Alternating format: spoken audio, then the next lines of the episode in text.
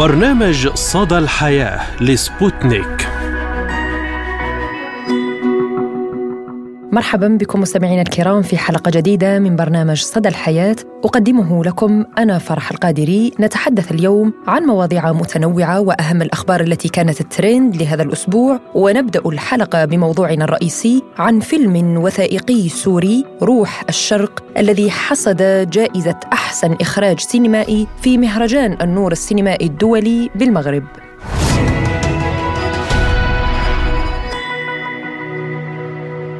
انطلقت فعالية مهرجان النور السينمائي بالبيضاء الدورة الخامسة على مدى أربعة أيام بدعم من المركز السينمائي المغربي وشركاء آخرين بقافلة سينمائية بالمؤسسات التعليمية بمنطقة سيدي مومن ومراكز الرعاية الاجتماعية. وتم عرض أفلام قصيرة ومناقشتها مع ورشات التشخيص وذلك تحت شعار السينما تظاهرة حضارية ورافعة ثقافية. وتم تكريم عدد من الفنانين المغاربة وأيضا من دول عربية مشاركة. وشهدت أيام المهرجان تنظيم ورشة السيناريو والإخراج وورشة التجميل والخدع السينمائية من تأطير المتخصص في التجميل السينمائي وأيضا ورشة ال casting الدورة الخامسة عرفت تكريم الفنانة المغربية فتيحة وتيلي ومدير ال casting محمد الرداني والإعلان عن الجائزة الكبرى التي آلت لشريط الضحك والنسيان من إخراج محمد محمد هوراز من العراق وجائزة أحسن تشخيص لفيلم سفر رباب كمغار من المغرب وأحسن تشخيص ذكور لفيلم الغايب محمد الشباني من المغرب وجائزة أحسن سيناريو للفيلم الوثائقي الأكراد من مصر للمخرج زي كميل محمد وأحسن إخراج للفيلم الوثائقي روح الشرق للمخرج المهند كلثوم من سوريا وجائزة النور لفيلم حضن للمخرج ريكوت حمد توفيق من العراق.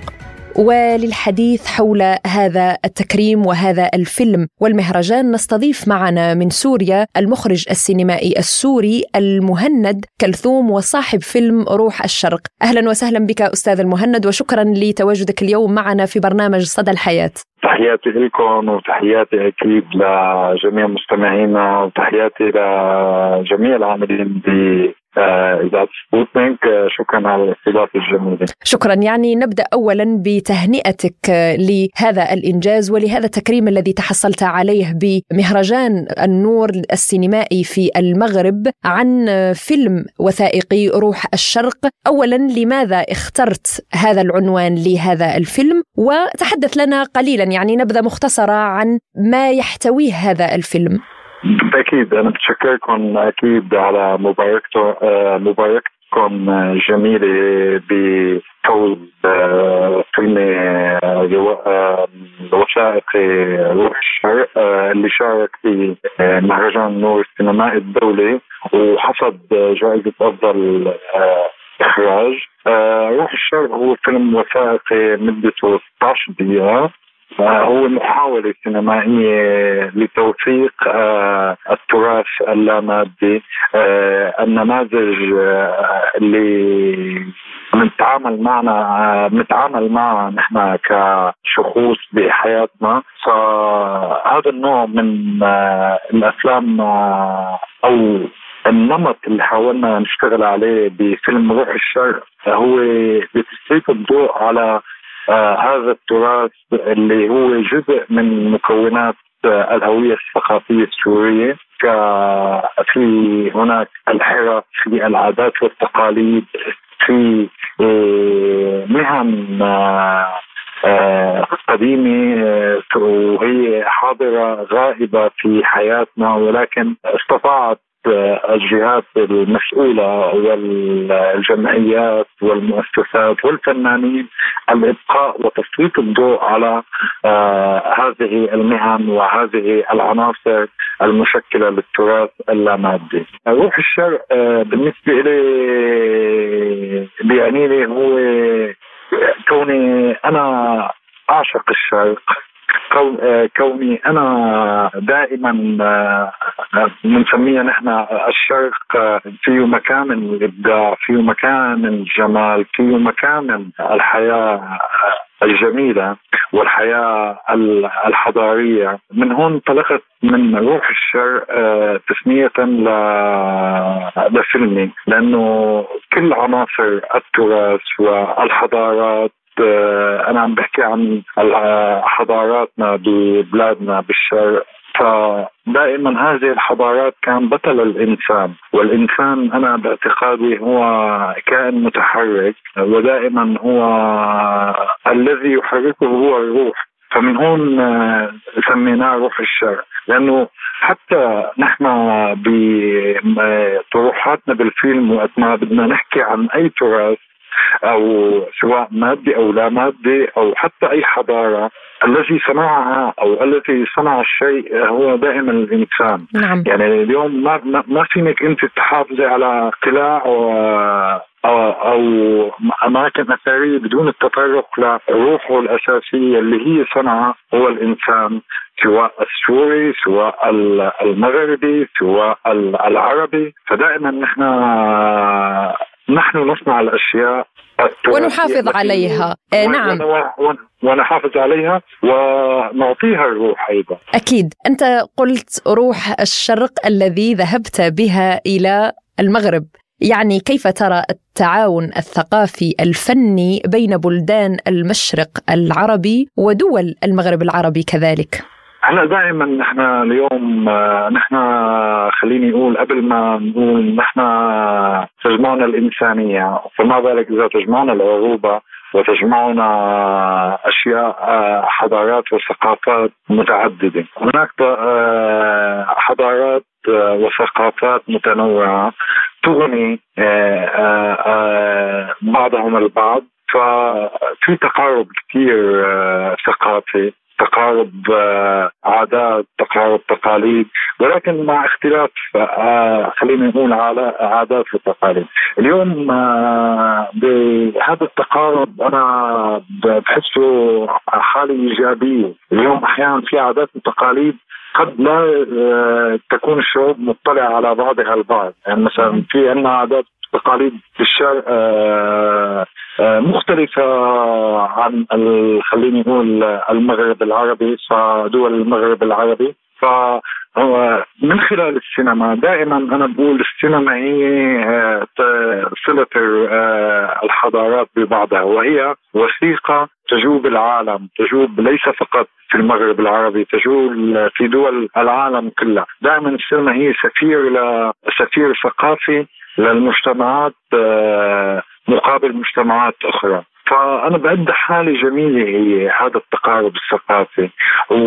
والأماكن اليوم المهرجانات السينمائيه هي كمان آه، وسيلة آه، تقارب آه، ثقافي وحوار ثقافي بين الشعوب مع بعضها البعض. اليوم أنت بالمهرجان أي مهرجان أو خلينا نقول مهرجان الدار البيضاء للنور بالدار البيضاء مشكورين إدارة المهرجان بالتأكيد على هذا أن المحفل الثقافي نعم. وهذا الطقس السينمائي إنه محاولين دائما يجمعوا أفلام من عدة دول ووقت ما تجمع هذه الأفلام من عدة دول أكيد أنت جمعتي عدة ثقافات، عدة عادات تقاليد، عدة طروحات فطقس جميل جدا المهرجان السينمائي عم بقول لك إنه الفيلم السينمائي هو دائما هوية ثقافية لأي بلد في دول العالم وهو سفير آه، يسافر الفيلم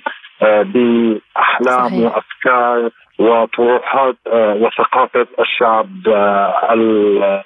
المذكور في الفيلم. نعم يعني آه، لابد أن يكون للبصمة الدمشقية والسورية خاصة في هذا الفيلم الوثائقي روح الشرق الذي كما قلت مكون من 16 دقيقة. يعني حاولت أن تجمع فيه تراثيات من دمشق العريقة القديمة وبرأيك كيف يمكن أن يسهم هكذا أفلام وثائقية في الحفاظ على هوية وتراث الدول لا سيما الدول العربية نحن بحاجة إلى الحفاظ عليها في أقصى قدر يعني ممكن من في المجالات المنوعة يعني.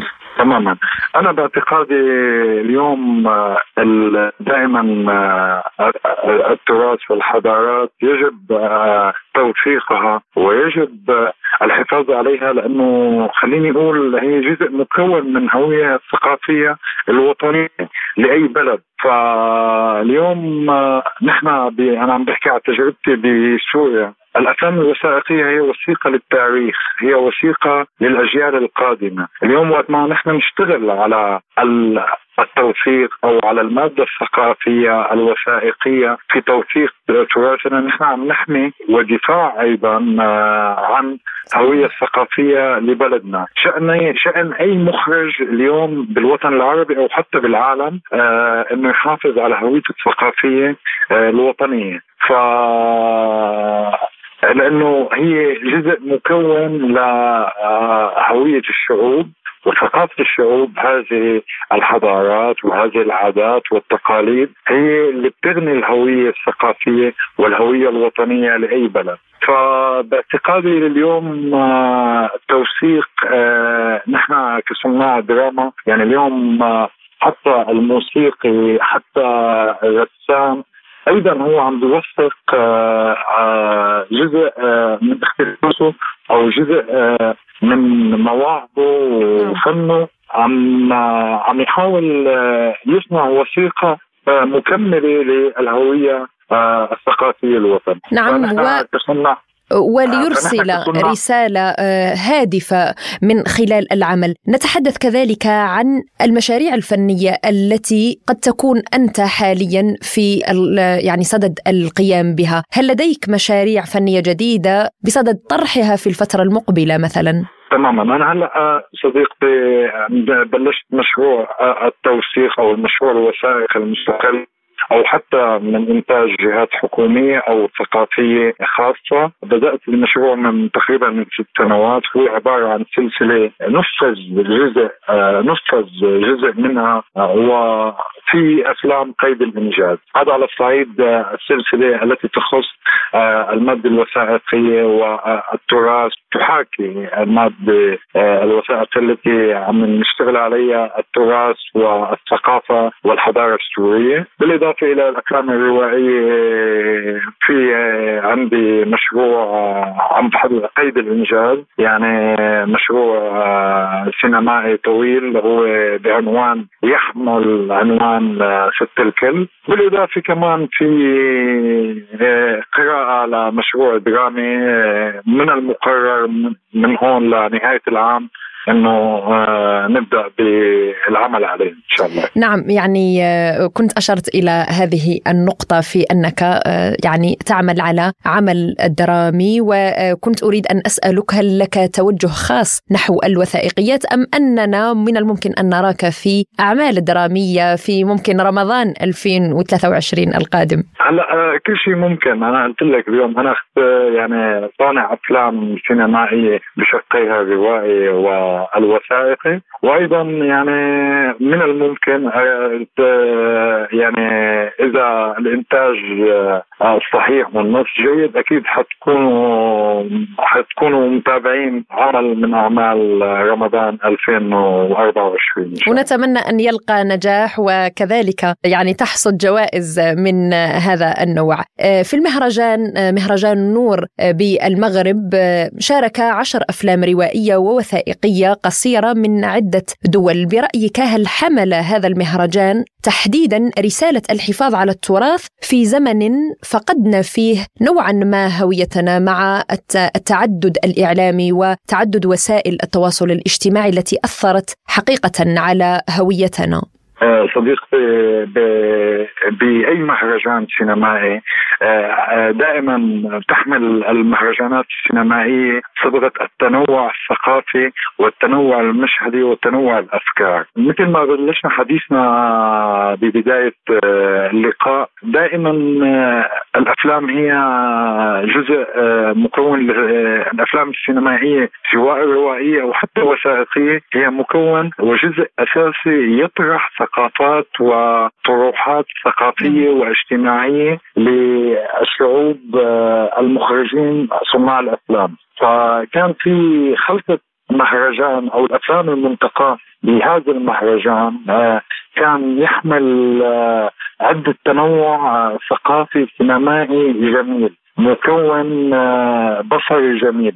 فاليوم آه، مهرجان نور يأخذ أيضا على عاتقه أو أخذ على عاتقه بدورته الأخيرة هذا التنوع والحفاظ على الهوية آه، الثقافية والتراثية لمعظم صناع الأفلام. ولكن هو التوجه بشكل عام خليني أقول هو يسلط الضوء على المهرجان أو الأفلام التي عرضت في المهرجان على بشكل عام الحياة الاجتماعية والثقافية والإنسانية في آه، شعوب آه، صناع الأفلام. فكان في تنوع بصري وتنوع ثقافي تنوع تراثي وتنوع إنساني. وتنوع جميل جدا نعم. يعني. وحتى آه تضمن المهرجان ورشات تمكين للأطفال آه وتمكين لليافعين والكبار اللي حابين يخوضوا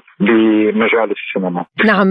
كانوا مو كانوا موفقين آه بخياراتهم. ورسالة المهرجان هي اليوم آه أكيد آه هي رسالة نبيلة ورسالة ثقافية ورسالة حضارية. نعم نشكرك المخرج السينمائي السوري وصاحب جائزة أحسن وأفضل إخراج سينمائي لهذه الدورة من مهرجان نور السينمائي بالمغرب روح الشرق المهند كلثوم. شكرا لك كنت معنا من سوريا. لكم كل الشكر والمحبة. شكرا. شكرا جزيلا.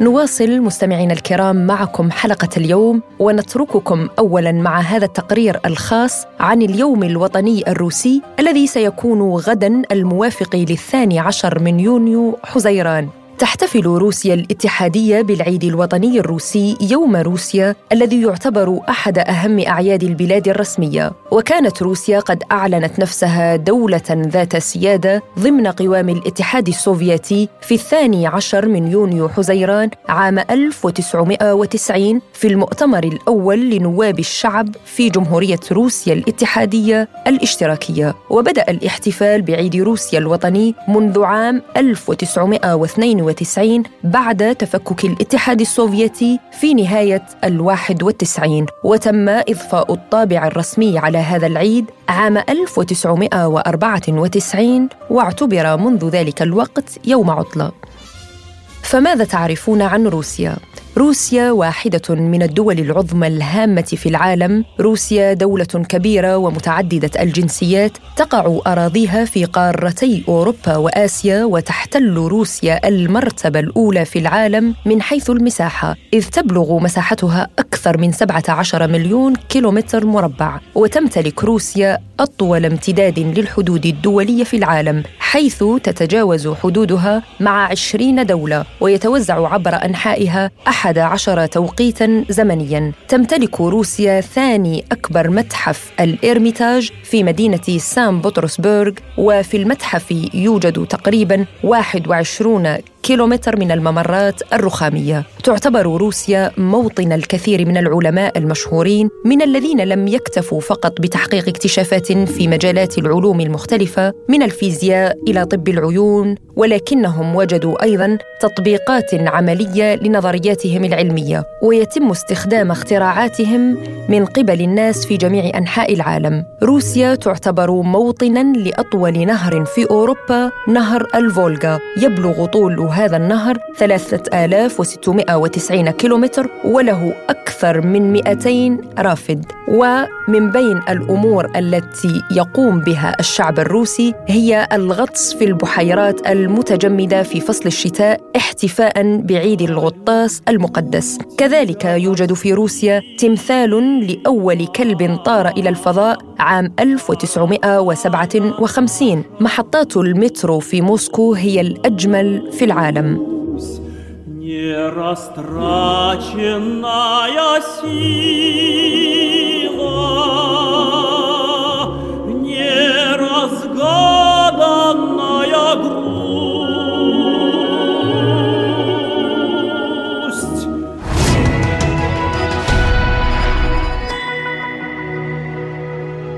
وإلى فقرة الأخبار التي كانت ترند لهذا الأسبوع ونبدأها مما تم تداوله عبر صفحات التواصل الاجتماعي لفيديو للحظة هجوم سمكة قرش على رجل في مياه الغردقة بمصر وقتله. وتبين لاحقا أن هذا الرجل الذي التهمته سمكة القرش هو روسي الجنسية وطالبت السفارة الروسية في مصر المواطنين بالالتزام الصارم بالحظر المفروض على السباحة والغوص الذي فرضته السلطات المصرية والالتزام الصارم بالإشارات الواردة من موظفي الفندق وخفر السواحل.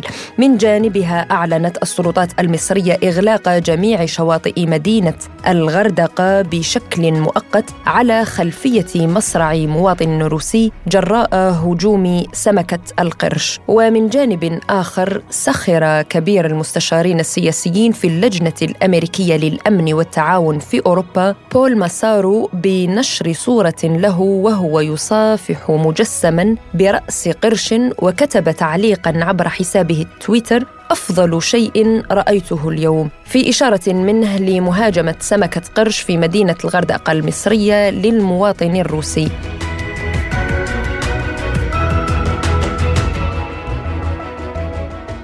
وفي خبر آخر غضب في الأردن بعد حث مدرسة خاصة معلماتها على الإنجاب في الصيف. حالة من الغضب اجتاحت وسائل التواصل الاجتماعي الأردنية بعد انتشار تعليمات أصدرتها مدرسة خاصة بخصوص حمل معلماتها الأمر الذي دفع السلطات إلى التدخل. وتداول نشطاء منشورا لإحدى المدارس حثت من خلاله المعلمات على ضرورة تنسيق الإنجاب ليكون خلال العطلة الصيفية. من جهته أكد الناطق باسم وزارة التربية والتعليم الأردنية أحمد المساعفة على أنه تتم متابعة الكتاب الصادر عن المدرسة معتبرا أنه تصرف فردي بحق المعلمات ولا يعبر عن سياسة عامة في التعامل مع المعلمات على مستوى الأردن. في غضون ذلك قالت إدارة مدارس الجامعة إن التعميم لن يتم العمل به وأكدت المدارس أنها مؤسسة تعليمية تلتزم بالقوانين والأنظمة المعمول بها وتحترم خصوصية العاملين بها. وأشارت إلى أن الإدارة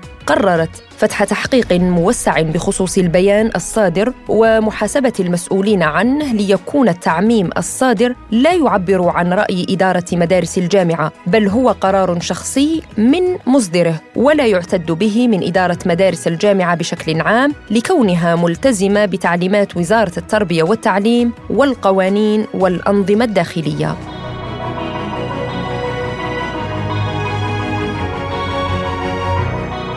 وفي خبر آخر الصدفة أحيانا قد تقودنا إلى أن نحقق أحلامنا. الصدفة هذه المرة قادت عائلة محظوظة إلى العثور على كنز مخبأ داخل قبو منزلهم الذي شيد في أوائل القرن العشرين حيث عثرت العائلة من مدينة لوس أنجلوس الأمريكية على عملات نحاس تتجاوز قيمتها مليون دولار. وكان سمسار العقارات جون ريس يساعد زوجته في تنظيف منزل منزل والدها الراحل في منطقة إنلاند إمباير عندما عثرا على مليون بنس نحاسي تتجاوز قيمتها أكثر من مليون دولار في مكان ضيق بالقبو والمنزل يعود لمهاجرين من ألمانيا سكنا في هذا المنزل لعقود زمنية حتى توفي أحد الشقيقين لينتقل أخوه للعيش في مكان آخر. ورب صدفة خير من ألف مليون دولار.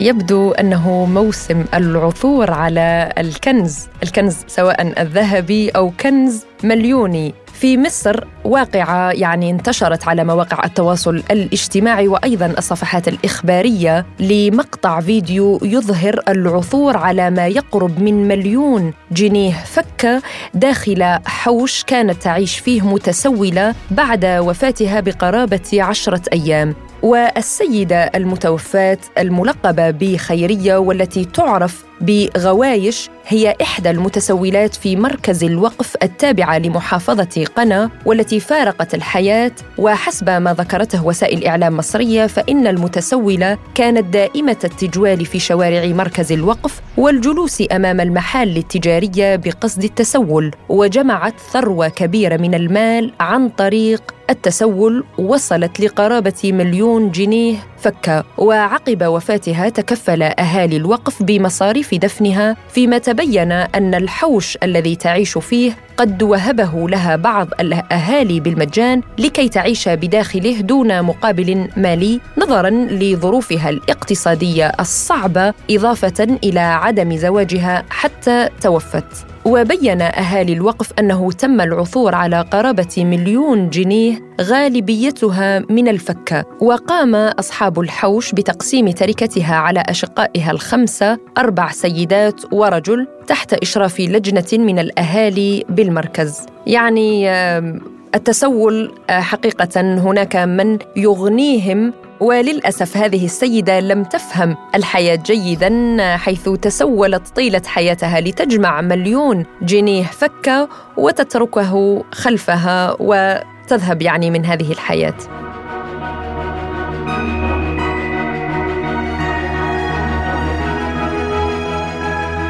ونختم الحلقة بموضوع طبي كما عودناكم وهذه المرة عن دراسة أجراها باحثون ليكشفوا لنا عن كوارث بيئية جراء إعادة تدوير مادة البلاستيك. كشف تقرير بيئي جديد أن إعادة تدوير البلاستيك التي تهدف للحد من التلوث تأتي بنتائج عكسية وتزيد في الواقع من السميه ويسلط التقرير الذي أعده باحثون من جامعة اسكتلنديه وأخرى كندية الضوء على التهديد الذي تشكله المواد البلاستيكية المعاد تدويرها على صحة المستهلكين ومجتمعات الخطوط الأمامية والعاملين في قطاع إعادة التدوير. و ويشير التقرير إلى أن البلاستيك وفقا لبرنامج الأمم المتحدة للبيئة يحتوي على أكثر من 13 ألف مادة كيميائية من بينها أكثر من 3200 مادة خطرة على صحة الإنسان وعلاوة على ذلك فإن العديد من المواد الكيميائية الأخرى الموجودة في البلاستيك لم يتم تقييمها مطلقاً وقد تكون سامة أيضاً. وأكد أنه غالباً ما تحتوي المواد البلاستيكية المعاد تدويرها على مستويات أعلى من المواد الكيميائية التي يمكن أن تسمم الناس وتلوث المجتمعات. بما في ذلك مثبطات اللهب السامة والبنزين والمواد المسرطنة الأخرى والملوثات البيئية مثل الديوكسينات المبرومة والكلور والعديد أيضا من المواد المسببة لاضطرابات الغدد الصماء التي يمكن أن تسبب تغيرات في مستويات الهرمونات الطبيعية في الجسم. وأوضح الباحثون أنه عند تنظيف البلاستيك خلال عمليات التدوير تتسرب جزيئاته الصغيرة في كافة مخلفات المياه المستخدمة في عمليات الغسيل وتتجه هذه المياه إلى محطات معالجة مياه الصرف الصحي أو إلى البيئة مباشرة.